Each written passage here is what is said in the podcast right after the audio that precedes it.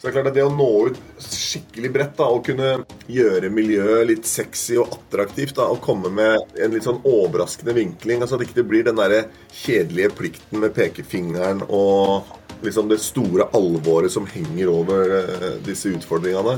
Det har vært litt av poenget mitt. da.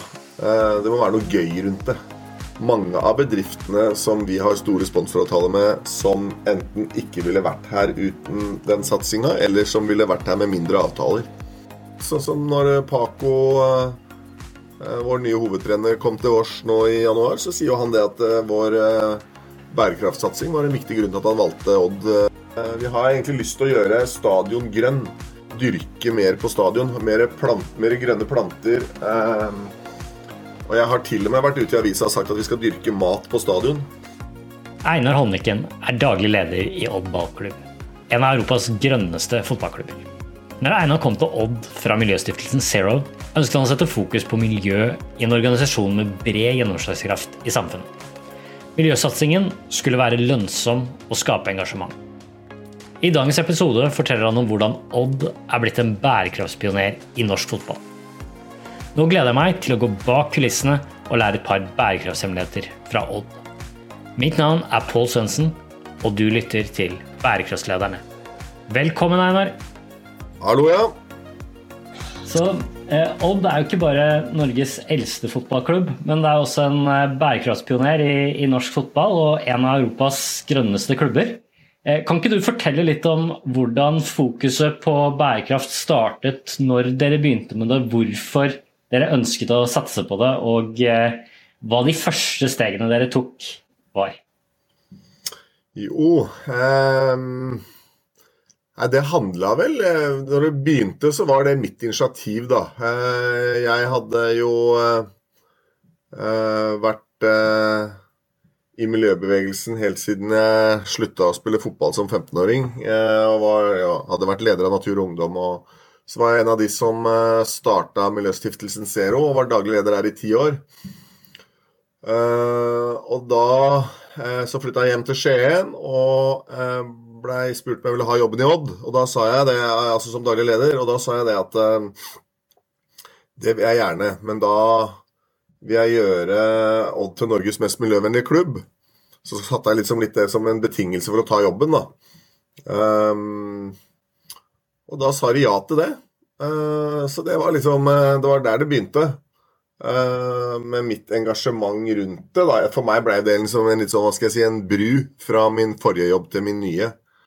men samtidig så hadde det jo noe med at jeg trodde på det Ja, både at det er et ansvar vi har, da. som vi må gjøre noe med alle, liksom. Om det er hjemme eller på skolen eller i bedriften vår eller virksomheten vår. Eh, men også fordi jeg jo tror, og fortsatt tror, at det er en, eh, en strategi da, som vil eh, hjelpe klubben i dette tilfellet. Da. Både omdømmemessig, kommersielt. Jeg tror det er lønnsomt, rett og slett. Da. Det var litt sånn vi jobba i Zero. Jeg tror at dette er muligheter, og det ser vi jo enda mer nå enn når jeg begynte med det her i 2013. At eh, dette er noe som også næringslivet er opptatt av. Og det ser vi jo nå at nå kommer jo alle, egentlig hele fotballen og idretten, og alle kommer etter på det der nå. Um, fordi de ser at uh, ja, publikum etterspørre, og ikke minst næringslivet, altså sponsorer, etterspørre og forventer at du er flink med bærekraft. da for at du skal være et interessant sponsorobjekt. Så det var liksom sånn det begynte da med, med, med meg. Og så har det etter hvert blitt en veldig forankra klubbgreie, da. Eh, som eh, eh, Det er veldig få som stiller spørsmål ved den strategien og at vi skal være gode på miljø og bærekraft. Det, det hender, men eh, men uh, det er mest når vi har tapt tre kamper på rad, da er det alltid noen som liksom Konsentrer dere om fotballen, da, sier de da. Uh, men uh, men uh, det har blitt en klubbgreie som folk er stolte av. og Sånn som når Paco, vår nye hovedtrener, kom til oss nå i januar, så sier han det at vår bærekraftsatsing var en viktig grunn til at han valgte Odd og valgte, valgte å komme hit, da. Ja, det er, det er, jo veldig spennende å høre. Hva, um, og det er, en, det er, en, veldig interessant bakgrunn du har da, fra, fra Zero, og, og, det å komme inn og kunne sette betingelser sånn helt i, i starten. Hva var de første tingene du gjorde, og, um, og hvordan ble det møtt med i, i, klubben på den tida? Hva var det første? Uh, jeg, det, det som jeg har hatt som filosofi hele veien, er at det skal være lønnsomt. Eh, jeg var veldig redd for å komme inn at det skulle bli liksom en belastning for klubben, eller en dyr ting. da. Så jeg var veldig opptatt av at eh, vi skulle tjene penger på det. Derfor har det vært litt sånn at eh, alt vi har gjort, har vi gjort sammen med næringslivet. Det går liksom an å ha to innganger. ikke sant? Det ene er å analysere hva er utslippet, hva er vårt avtrykk, hvor vil vi kunne bidra mest. Men jeg har ikke tatt den. Jeg har tatt hvor er det mulighet for å gjøre prosjekter og eh, aktiviteter sammen med næringslivet som kan vise fram uh, altså våre samarbeidspartnere, våre bedrifter sine, sine, løsninger og sin kompetanse. Så det, det, vi vel begynte med, tror jeg var uh, elbil og hurtiglading. Eh, vi hadde et samarbeid med et firma som heter Motorforum, eh, som eh, solgte Mitsubishi. Og de var jo vel egentlig de som først i Norge hadde en elbil som var fabrikkprodusert. Før det var det liksom Think og ja, det var Buddy og alt det der en gang i tida, liksom. Men Mitsubishi kom jo med den der Imieven, den første. Så tilfeldigvis så var de her. og så har vi også en samarbeidspartner som heter ABB Uh, som har sitt største anlegg uh, i Norge, her i Skien. Uh, og de jo, var jo først og er jo fortsatt kanskje størst på hurtiglading. Så um, det var der vi begynte å sette opp. Vi satte opp Telemarks første hurtiglader. og fikk inn elbiler på, av de bilene vi hadde i klubben, sammen med da, fra Mitsubishi med motorforum der. så det var nok liksom det var det første. Jeg hadde veldig fokus på eh, elbil og lading.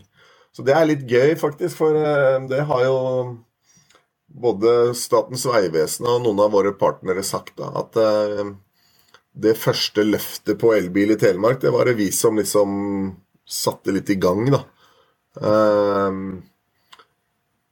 Når vi begynte, så tror jeg det var 50 elbiler i Telemark. Jeg. Det, det, er jo veldig gøy, og det sier jo litt om den posisjonen og påvirkningskraften som en, en fotballklubb kan ha. da. Ja, Det er det de gjør, og det, var, det har vært litt et viktig poeng for meg hele veien. Sant? Jeg, som jeg sa, så har jeg jobba i miljøbevegelsen hele livet mitt.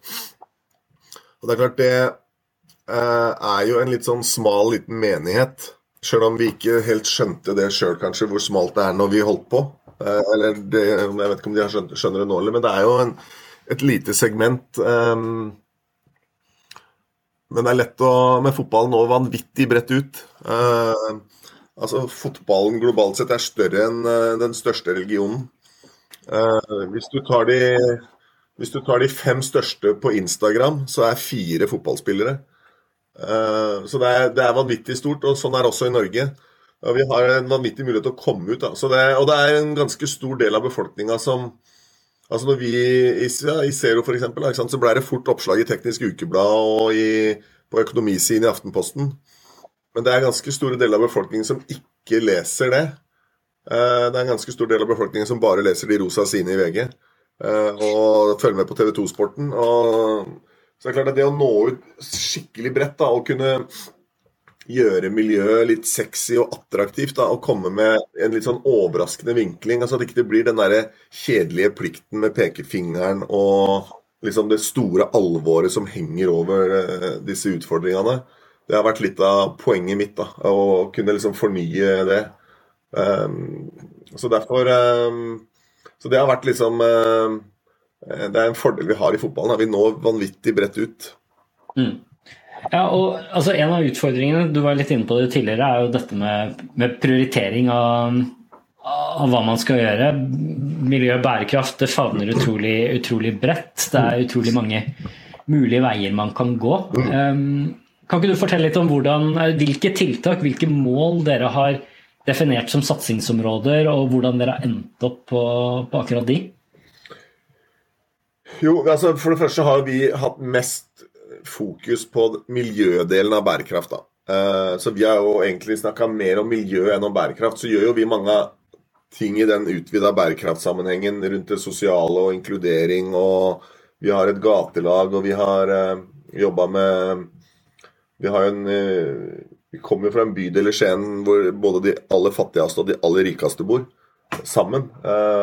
Så vi har mye innvandrere i breddefotballen vår. Og, så vi har jobba mye med, med, med, sånt, da. Men uh, i tillegg, men det er klart det, Vi har starta med Vi har gjort mest uh, I hvert fall som vi har branda som bærekraft, da.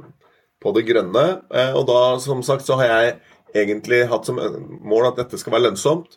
Så vi har gjort veldig lite som koster klubben nå. Vi har gjort ting sammen med bedriftene. Så det, det var Elbil, hurtiglading har vært en stor greie. Nå, ja, Det aller største prosjektet vårt har jo vært eh, dette solcelleprosjektet. Hvor vi har eh, et av Norges største solcelleanlegg, og vi har Norges største batteri stående ute på parkeringa her. Eh, hvor vi har dekt alle taka på stadion her med solceller. Eh, vel en 4000 kvadratmeter. Produserer eh, all strømmen vi bruker sjøl, og strømmen til både næringsbygget her og butikkene og leilighetene og alt som er her. Eh, og det er nok en gang, da, da gjorde vi det sammen med Skagerrak Energi og ABB. Eh, for det, det, var områder som eh, de var opptatt av å vise fram hva de kunne. Og, og faktisk for Skagerrak sin del på solcelleprosjektet, så har jo det her blitt liksom et sånt forskningsprosjekt for de, hvor de har henta masse kunnskap som de bruker nå i andre prosjekter. da. Så det har vært et stort prosjekt. Nå holder vi på med noe vi kaller avfallsfri stadion. Eh, vi var vel den første klubben som begynte med kildesortering eh, på stadion. Altså for publikum. Og Det kan høres litt banalt ut, men det er faktisk ganske vanskelig. For eh, det er noen tusen mennesker som skal dra i løpet av ti minutter. Og da er det ikke så lett å få til kildesortering. Men det Vi begynte med kildesortering, og nå har vi sagt at vi skal ha vekk restavfallet. Eh, så da gjør vi det selvfølgelig sammen med Rancels, som er vår eh, avfallsleverandør. ikke sant? Og så uh, bruker vi det som en mulighet for å fortelle litt om hvor flinke Rancels er. Samtidig som vi gjør en god jobb med å inspirere publikummet vårt til å huske på kildesortering og, og forhåpentligvis ta med seg noe om det hjem, da. Så det, der vi, det jobber vi ganske mye med, å, å bli kvitt um, restavfallet. Vi har innført en ny greie nå hvor vi um, Istedenfor å si at det å kildesortere er en plikt, så sier vi at det, det premierer vi. Jeg sa litt om det i stad. Jeg tror jo litt på sånne ting. da, At det har vært litt for mye plikt og pekefinger og, i miljøarbeidet. Så um, nå gir vi gratis kaffe, og vi gir drakter og ulike premier til de som sorterer. Da, og så samarbeider vi med et lokalt uh, gründerselskap her som heter Cycled, som har lagd uh, noen smarte søppelbøtter som gjør at du kan skanne billetten din, uh, og den kjenner igjen det du hiver, så du, vi vet om du har sortert riktig. Så det er jo det siste vi holder på med nå, det er å ta i bruk den løsningen. Hvordan tar dere det videre, bare for å spørre, hvordan tar dere det videre? Så når de skanner billetten sin, ja, De skanner billetten sin. Foreløpig er det bare to produkter du kan hive. Eh, det er eh, pant av vanlige flasker, og så er det snus. Eller snusbokser. Eh, så da har vi fått med Swedish Match, da, som er en snusprodusent på det. Og så er de med å finansiere premiene, da. For det er jo et problem hos oss og mange andre steder at folk bare hiver fra seg for så vidt snusposer og sånt, men også boksene. Så da skanner du billetten din, og så hiver du, og da kjenner søppelbøtta igjen om du har hivd riktig. Eh, og hvis du har hivd riktig, så får du, og gjør det flere ganger, så får du premier. Eh, så det har jeg lyst til å rulle ut på, egentlig. Drømmen er jo å kunne gjøre det på alle produktene vi har eh, til salgs på stadion. da. Så det gjelder emballasjen på alt vi selger. Så det, jeg håper vi kommer dit, da. For det tror jeg er veien fram for kildesortering. Da, at vi får uh, premier. Altså, det er det vi gjør med pant. Da. Det er jo ikke vi som har funnet opp der, det er det Tomra de gjør med pant. Uh, men det er jo en grunn til at vi har mye bedre sorteringsgrad av brusflasker enn vi har av syltetøyglass. Og det er fordi at på det ene er en plikt, og på det andre er en premie. Ja, og Det er tilbake til det du snakker om tidligere, at bærekraft skal være det skal være lønnsomt. Og ikke bare for dere og sponsorene, men også faktisk for, for publikum. Da. Ja, så Det må være lønnsomt og attraktivt og liksom det kan ikke være en sånn der tung pliktgreie som du gjør fordi du må. Eh, det må være noe gøy rundt det. Det er jo eh, gamification og alle de tinga her som vi må prøve å ta i bruk for at det skal bli eh, det, det, må være, det, må være, gøy og lønnsomt for både bedrifter og den enkelte å gjøre det her. Hvis du skal liksom kjøpe en dårligere bil eller ha på deg styggere klær eller vondere mat, uh, av hensyn til miljøet, så liksom det Du kan få med en liten engasjert uh, gjeng på det, en menighet, liksom, men du får ikke med det breie laget hvis du skal uh, Hvis ikke du klarer å gjøre det til lønnsomt eller gøy eller attraktivt. Da. Så det er jeg veldig opptatt av. Det er noe med liksom Og det tror jeg er nødvendig for å få oppslutning, da. Hvis ikke så blir dette for en sånn litt sånn utdanna elite som uh, tar på seg denne byrden. Men hvis vi skal få med hele befolkninga på det, så må vi tenke annerledes. Ja, ikke sant. Så vi har vært innom elbil, energi og avfallsfri stadion. Er det andre ting som på en måte har vært store, store satsinger? Ja, altså vi har gjort masse mer enn det. Vi fyrer jo banen vår med fjernvarme, undervarme. Eh, og så har vi hatt noen kalde vintre som vi har brukt altfor mye. Så vi har jobba mye for å Vi har fått inn et styringssystem av varmebruken vår. Vi hadde jo en vinter hvor vi fyra for en million kroner. Uh, så der har vi fått ned energiforbruket vårt kraftig, og dermed også uh, regninga på varme. Da. Altså vi sparer kostnader på det. vi bruker et middel som heter Som vi kjøper av noe som heter Adcon, som er eh, et avisningsprodukt. Som vi bruker eh, istedenfor salt, og som også gjør at vi kan fyre mindre. De-icing det brukes egentlig på flyplasser for å smelte snøen på rullebaner. Men vi har tatt i bruk det på banene våre.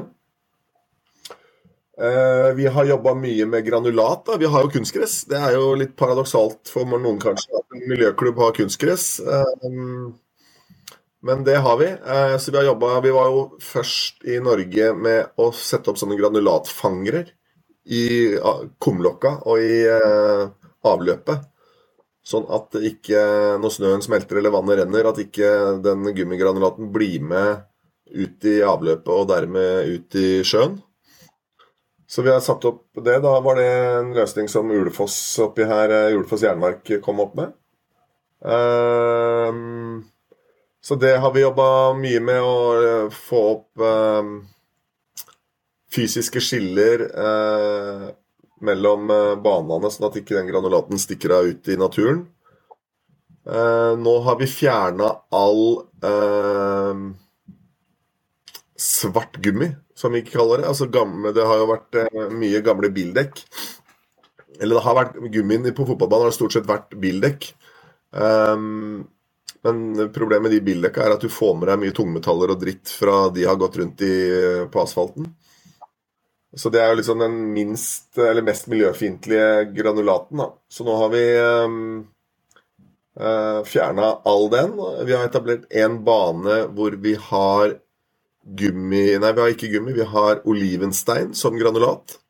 Altså et naturprodukt. Um, og egentlig noe vi eh, lærte av en klubb i eh, Vestfold, eh, Tønsberg, som heter Teie. Og de var først med den. Den har vi plukka opp. Vi gjør ikke det på hovedbanen vår, men vi gjør det på en barnebane for å teste det ut. Ja, hva mer har vi gjort, da? Vi har gjort prosjekter med å sykle til kamp, ta buss til kamp. Vi har Uh, skal vi se Det er jo mye annet, altså. Men det var vel kanskje de viktigste tinga. Ja, nå er vi i ferd med å Vi har, eh, hatt, vi har satt opp et grønt tak, ja. Et sedumtak. Så det jobber vi med å utvide nå. Vi har egentlig lyst til å gjøre stadion grønn. Det er litt, egentlig en av de tingene vi ikke har fått ordentlig til, som jeg har lyst til. Er å dyrke mer på stadion. Mer, plant, mer grønne planter. Og jeg har til og med vært ute i avisa og sagt at vi skal dyrke mat på stadion. Da var det jo noen som trodde at nå har det klikka helt for håndlykken eh, når vi sa at vi skulle ha poteter på stadion. Men eh, det mener jeg, da. For det er, sant, en fotballstadion er en stor betongkoloss. Eh, og for det første er det veldig hardt og litt sånn ukoselig. Men det er også For det første er det jo nytte og med ja, oksygenproduksjon og vannavrenning og sånn. Men det er også et liksom veldig symbolsk og litt sånn uh, uh, Ja, det er en sym litt symbolverdi i det å gjøre stadion fysisk grønn uh, ved bruk av planter. da. Men der har vi, ikke, vi har ikke klart å finne noen det er jo, det, det, Vi har ikke klart å finne noen gode samarbeidspartnere på det. Det er noen som er interessert i å jobbe sammen med oss på å dyrke noe grønt på stadion, så det er vi fortsatt på leit etter. Hvis noen, hører, hvis noen, som hører, på har lyst til å være med på det, så er vi veldig interessert i det. Um, men det er klart du mangler liksom de industrielle aktørene da, uh, i uh, det feltet. Det er jo mye små bønder, små bønder, i Norge, ikke sant. Vi trenger noen med litt muskler som uh, hadde sett nytten av det. Så den, der er vi litt på jakt. det, er min, det er en visjon vi har, da, at når du kommer på Skagerrak Arena, så skal det være en grønn stadion med planter både innafor og utafor stadion, egentlig. Og gjerne noe mat. Det hadde vært helt konge om vi kunne dyrka noen urter eller noe et eller annet her. Uh, som vi lagde mat av og solgte til Eller uh, fôra opp spillerne våre med og solgte i kiosken. Og, uh, og så sorterer vi selvfølgelig da ut maten etterpå. Sender den til biogassproduksjon hos Greve. Uh, og så får vi et kretsløp da, av denne sirkulære økonomien. Så det har vi, der, der har vi litt igjen å gå. Men eh, det som er gjennomgående tema her, er jo at eh, dere har altså sponsorer og lokale næringslivet spiller en helt, helt, sentral rolle i alle disse initiativene. Alt fra små startups til eh, svære internasjonale selskaper. Ja. Hvordan, går dere fram for å få de, få de med? Altså, Vi har jo et etablert næringslivsnettverk i klubben. Odd-partnerne som møtes. Det er jo noe av det vi selger til næringslivet, er jo den møteplassen for næringslivet. Vi eh, bygger relasjoner og samarbeid. Eh, og vi kommer veldig tett på veldig mange bedrifter. Så det er der det begynner. Alle fotballklubber har jo, har jo et sånt nettverk. Eh, ja. Hvorfor er det dere liksom har fått fram disse typer partner, partnerskapene? Nei, Det er jo fordi at vi har liksom jakta de løsningene. Mm. Det er jo liksom ikke så Hvis du skal gjøre noe på miljøområdet som en fotballklubb, så er det jo ikke så hokus pokus at det har noe med energi å gjøre, det har noe med transport å gjøre, det har noe med avfall å gjøre. Og Da ser jo vi hvem er det vi har i det feltet der, som enten er her eller som burde blitt med. Uh, og da har vi hatt ABB og Skagerrak har vært uh, samarbeidspartnere med klubben her i 20-30 år. Uh, så da er det veldig naturlig å starte hos de, da. Um, eksempel. Ehm, så da har jeg rett og slett bare drodla fram ideer, og så har vi sett jobba sammen for å finne løsninger da, eh, som kan Er det dere som kontakter dem, eller er det de som kommer til dere? Hvordan, fungerer det? Nei, Det har vel vært en blanding. Det solcelleprosjektet fikk vel jeg og en kar i ABB på når vi satt og prata enda. Og tenkte dægeren, det er jo kjempeidé. Og så skjønte vi kjapt at da må går vi jo til Skagerrak og spør om de vil være med. Eh, og så brukte vi litt tid sammen, og så fant vi ut at det, det gjør vi. Eh, så det er litt sånn, sånne prosesser her, da. Åssen får du en god idé, og den plutselig så bare kommer. Så det, men så er fordelen vår er jo det at vi har hatt eh, mange, bedrifter, mange av våre partnerbedrifter da, har vært veldig interessert i det. ja, så det er Eh, det har jeg ikke nevnt. Da. Vi har jo kjørt et prosjekt nå sammen med BDO eh, som vi har kalt for eh, Støtt for framtida. Vi har invitert inn 15 bedrifter som har vært med på et slags bærekraftskurs. da. en skolering i hva bærekraft er, og hvordan du kan bruke det i bedriften din. Både for å gjøre de pliktige tinga du må gjøre, og hvordan du kan utnytte mulighet for å tjene penger. Det har jo blitt sånn for flere og flere bedrifter nå at du risikerer å miste oppdrag hvis ikke du har liksom bærekraftstrategien din på plass.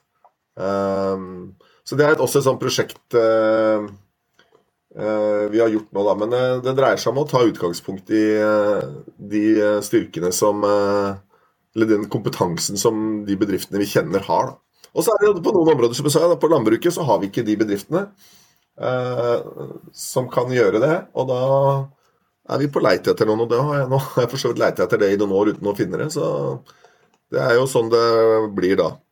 Da, da venter vi til de dukker opp.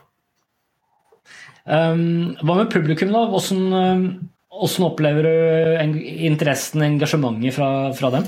Nei, Det har vært veldig positivt, det. Um, men så har vi vært hva skal jeg si, vi har vært veldig opptatt av å få publikum med oss òg. Jeg har vært veldig var på at vi ikke uh, skal få de mot oss. Det er klart det er noen ting vi kunne gjort her som, uh, hvor du har garantert uh, at du får motstand på det. ikke sant? Hvis vi tok fra folk pølse og brød på kamp, så vet vi at vi får protester. Så vi prøver å liksom jobbe litt sånn medstrøms, da. Få folk med oss. Ikke gå rett i fletta og henge opp en sånn rød klut som vi vet får motstand. Um, så det har liksom vært en sånn um, uh, filosofi hele veien. At vi skal Vi må nudge, de, da. Vi må liksom dytte de litt. Uh, vi kan ikke gå all out, liksom, og uh, snu opp ned på alt på 1, 2, 3.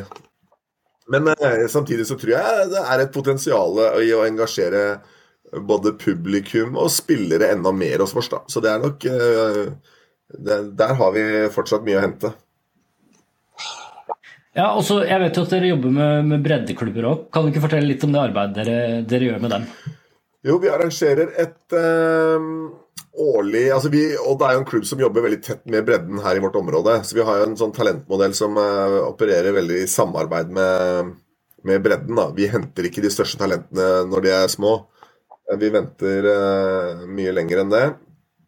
Um, så det, det, er vi veldig opptatt av, det samarbeidet. Um, så en av de tingene vi gjør, er at vi har et årlig en miljøkonferanse, kan du kanskje kalle det som eh, handler om eh, idrettsanlegg, fotballanlegg. Eh, hvor vi prøver å sette fokus på hva kan en breddeklubb gjøre. Hvordan skal du rigge banen din for at ikke du skal sende masse granulat, gummigranulat ut i avløpet? Hvordan kan du redusere energibruken din? Den type ting, da. Så den har vi hvert år. I år skal den være 27.9., så da er eh, alle breddeklubber og eiere av idrettsanlegg eh, hjertelig velkommen hit for å lære mer om hvordan du kan eh, drive anlegget ditt mer miljøvennlig. Det er spennende å høre også hvordan du fortalte tidligere at den ideen om å bruke olivensten, eller deler av olivensten, eh, istedenfor granulat, det kom fra, fra Terje. Mm. Er det gjennom den type forum dere, dere lærer det, eller er det andre type, type, samtaler? Nei, Det tror jeg kanskje kom på den ene konferansen. Ja, når vi jobba med, med, programmet vårt til den konferansen, så så vi at Teie hadde kommet langt Eller hadde gjort et forsøk på det. Um, så det tror jeg faktisk vi lærte om på vår egen konferanse. Uh, og så gjorde vi en ganske brei undersøkelse. Det er jo vært mange alternativer som har vært oppe og gått der. Med, det er kork, og det er bambus, og det er granulatfrie baner, og det er mange som har presentert ulike alternativer. Men uh, da kom vi til at det var um, det beste på markedet. Um, for Det er veldig gøy når man ser at læringen går, går begge veier. Ja, nå skal vi faktisk arrangere noe vi kaller Olivencup sammen med Teie til høsten. Uh, hvor vi skal ha en liten cup hvor folk da kan For én ting er jo liksom at vi sier at dette er en løsning, men uh, det er jo noe med å prøve det òg. Uh, så da håper vi at vi får en del klubber til å komme og prøve det, så de kan vurdere om de eh, tar i bruk sjøl, da. Og så skal ikke jeg skjønnmale det, for det har absolutt sine utfordringer med olivenstein kontra vanlig granulat. men det er i hvert fall et skritt i riktig retning som vi håper at flere vil prøve ut. da. Nå må du begynne med olivenbusker på, på stadion, da. det har vært noe dyrke olivenstein sjøl. Men eh, du, du, var inne på tidligere at eh, dere er ute etter lønnsomhet, og dere ser at dette er viktig for omdømmet. Kan ikke du snakke litt om hvordan du har opplevd det til nå? Hvilke omdømmeeffekter og kanskje andre eh, økonomiske effekter du føler at disse tiltakene har, har gitt? Eh, jo, eh, vi merker jo at det her er noe Den satsinga vår er mange, noe mange har fått med seg. Da. Vi har hatt mye mediedekning, eh, veldig mye positivt på det. Eh, og så merker vi jo eh, på eh, næringslivsinntektene våre. Da. De har jo gått veldig opp. så er det mange forhold rundt det. Men, men det er jo mange av bedriftene som vi har store sponsoravtaler med, som enten ikke ville vært her uten den satsinga, eller som ville vært her med mindre avtaler. Så det er klart, når vi eh, setter opp et svært eh, solcelleanlegg sammen med Skagerrak ABB, så er sjansen ganske mye mindre for at de en sein høstkveld bestemmer seg for å slutte å sponse Odd. Eh, som er jo liksom en eh, Noe som alle fotballklubber eller idretts i idretten opplever en gang iblant. ikke sant? At du Budsjettene gikk ikke opp, og sorry, men vi må kutte dere i år. Eh, så liksom vi hva skal vi si, vi limer i litt til masta, da. Binder i til masta, heter det. Ehm, så det er en ehm, eh, Det er ikke tvil om at det er, eh, har vært lønnsomt hos oss. Men det tror jeg også er nødvendig, da. Og det tror jeg gjelder sånn generelt, da. Ehm, du kan gjøre noe av plikt men du klarer ikke å Altså Hvis det var sånn at eh, vi ikke kunne kjøpt ny spiss fordi vi satsa på miljø, så hadde ikke en, en miljøstrategi eller en bærekraftstrategi i en fotballklubb vart veldig lenge. Da ryker den uh, ved første krise, eller ved fem tap på rad. Så du er, du er, på en måte nødt til å I vår klubb har det vært veldig sånn Det må være lønnsomt. Og sånn er det egentlig de fleste steder. det er ikke så mange som, når det kommer til stykket, har eh, så mye penger de kan eh, bruke på noe som ikke liksom gir noe, da. Eh, så det må det. Og det må være Det kan ikke bare være omdømme heller. Det må være noe mer enn bare omdømme. Det må være noe du kan kapitalisere på på et eller annet vis. Ja, det er veldig interessant. Det er et veldig interessant poeng. og Man, jo, man må jo se det fra sponsorens side òg. Hva, hva, hva, føler du liksom at sponsorene får tilbake fra fra disse prosjektene. Altså, jeg regner med at det er en del, et, et omdømmeløft for dem òg. Er det andre ting du også ser at de tjener på da? Nei, det er jo det solcelleprosjektet vårt, f.eks. Det er klart Skagerrak kunne satt opp solceller på noen tusen kvadratmeter på et hvilket som helst lagerbygg, de. Eh, det hadde ikke behøvd å gjøre på en fotballstadion. Men eh, da gir det en helt annen oppmerksomhet, en helt annen interesse. Vi har jo fått eh, Det har jo vært vel sikkert alle landets energiselskaper snart har vært der og sett. Vi hadde en delegasjon fra OL i Beijing som var her, så husker jeg. Eh, det kinesiske Statnett, som er vel verdens største selskap, med én million ansatte.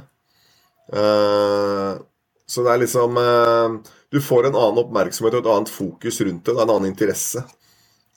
Så det er jo liksom hovedgrunnen til at folk velger en fotballklubb, da. Det er jo ikke fordi vi egentlig kan så mye mer om det her enn alle andre. Eh, eller er den i seg sjøl så veldig mye mer egna. Men, eh, men, vi har en kanal ut til folket, og vi har en møteplass for næringslivet som gjør at eh, vi er rigga på en annen måte enn de som Ja, enn å gjøre sånt hvor som helst andre steder, da. Så da kan du liksom i tillegg til å gjennomføre prosjekter, så får du en markedsføringskanal uh, ut gjennom mediene er kjempeinteressert. Altså det, de miljøsakene våre har vært på TV 2 og NRK og Dagsrevyen og alt mulig en haug av ganger. Som de ellers ikke ville vært. Uh, jeg husker når vi åpna Vi satte opp et sykkelskur her, egentlig. uh, og da hadde vi begge lokalavisene og fylkesordføreren jeg lurer på om til og med vi hadde nasjonale medier her. Eh, og det var jo egentlig bare en sykkelparkering, da. Eh, men det sier noe om at vi får, en helt annen oppmerksomhet enn det den type saker får veldig mange steder. Det er noe veldig mange opplever. ikke sant? Hvis du kommer til eh, lokalavisa sier at vi har satt opp et solcelleanlegg, så er det ikke sikkert de rydder hele forsida. Men eh, det kan du få her, da. Så det er, liksom, det, er det, si, det er det vi tilbyr tilbake. Dere, dere, har gjort utrolig mange spennende prosjekter, kommet langt i miljø- og bærekraftsarbeidet. Men eh, det er jo fortsatt en, en vei å gå for oss alle. Eh, hvilke, hvilke satsingsområder er det dere har eh, satser på fremover? Eh, nei, vi, til, vi, er, vi, er, ikke i mål med den kildesorteringa vår, da. Um, så der er det, det er vanskelig um, å få til. ikke minst er det vanskelig fordi at Eh, jeg syns hele emballasjebransjen har kommet altfor kort. Det er f.eks. ikke mulig å få kjøpt sjokolade uh, uten uh, plastemballasje. Så nå har vi endt ut med å selge sjokolade i løsvekt og dele den ut i noen små pappkrus isteden. Vi får ikke tak i iskrem uh, uten plastemballasje. Så på det feltet der Det er jo noen sånne felt vi ikke vil klare å løse aleine. Um, vi må gjøre noe med Vi jobber med, å, med, en løsning på disse bussene våre som vi kjører spillerne med. De går jo nå på fossil energi. Uh, fly er jo enda lenger fram. Vi må jo fly når vi skal spille bortkamp mot uh, Bodø eller Tromsø. Uh, så der har vi en problemstilling. ja, så det er, det er veldig mange områder vi har lyst til å gjøre noe på, men uh, der er vi avhengig av partnere. Da. Så nå tror vi kanskje at vi har noe på gang på buss med en partner. Det er spennende. Uh, og så håper jeg at vi kan uh, få til det også med på de andre områdene vi har utslipp og ja, negativ miljøbelastning. Føler du at de andre fotballklubbene, toppfotballen generelt, har kommet, eh, kommet, langt nok? Nei, det føler jeg ikke. I mange år så var det ingen som gjorde noe. Nå, nå har det begynt å skje noe, da. Så nå samarbeider vi i Eliteserien. Eh, så fra neste år av så kommer Eliteserien sammen med TV 2 til å ta veldig tak i det. Eh, Bodø-Glimt har gjort mye bra. Eh, vi har etablert et samarbeid med de nå. Eh, som vi kaller Action Now, som er jo egentlig Bodø-Glimt sin idé. Eh, som handler litt om å jobbe litt systematisk ut mot næringslivet. Og kanskje kan vi sammen komme ut nasjonalt, da, istedenfor bare i hver vår region. Ja, ikke sant? Men nei, idretten har kommet ganske kort, eh, men har altså et vanvittig stort potensial. Hvis en ser på det idretten har gjort i, i forhold til antirasisme, i forhold til homofiles rettigheter, så har det vært fantastisk bra. Og hvis vi klarer å bruke den samme krafta på miljø og bærekraft eh, sammen, så har jeg veldig trua på det. Da. Ja, så til slutt, eh, Hvis du skulle gitt tre råd til andre fotballklubber eller andre bare andre eh, mellomstore bedrifter. Eh, hvilke råd vil du, vil du gitt? Nei, jeg eh, Det må være lønnsomt, og det må være attraktivt. Jeg tror på det, da. Du, skal, du må gjøre noe av ansvar og plikt, og du må gjøre liksom Hva skal jeg si, du må feie litt for egen dør, da. Vi kan ikke som en miljøklubb bare la liksom store miljøbidrag fortsette fordi vi ikke finner noen samarbeidspartner på det. Ikke sant? Så du må gjøre noen ting av plikt, men det er om å gjøre å finne de områdene hvor du kan bli god, og du kan være unik, og du kan finne noen gode samarbeidspartnere så du kan gjøre noe lønnsomt. Det er liksom, det er det som har i hvert fall vært mitt clou her, da. Um, så det er jeg veldig opptatt av. Og så er jeg opptatt av det at vi må ha oppslutning. Så det må være oppslutning. Vi må ha oppslutning hos publikummet vårt, og vi må ha oppslutning eh, i organisasjonen. Da. Det kan ikke være et sånt soloopplegg fra meg.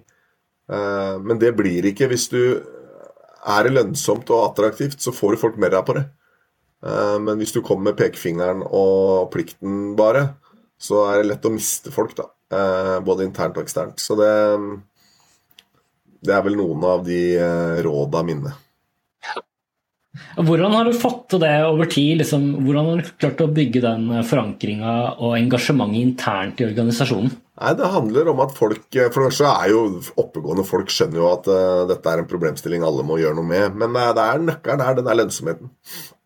For hadde det vært dyrt og ulønnsomt, så hadde det ikke, det hadde ikke vart. Da hadde det blitt et uh, lite blaff som ble fort borte.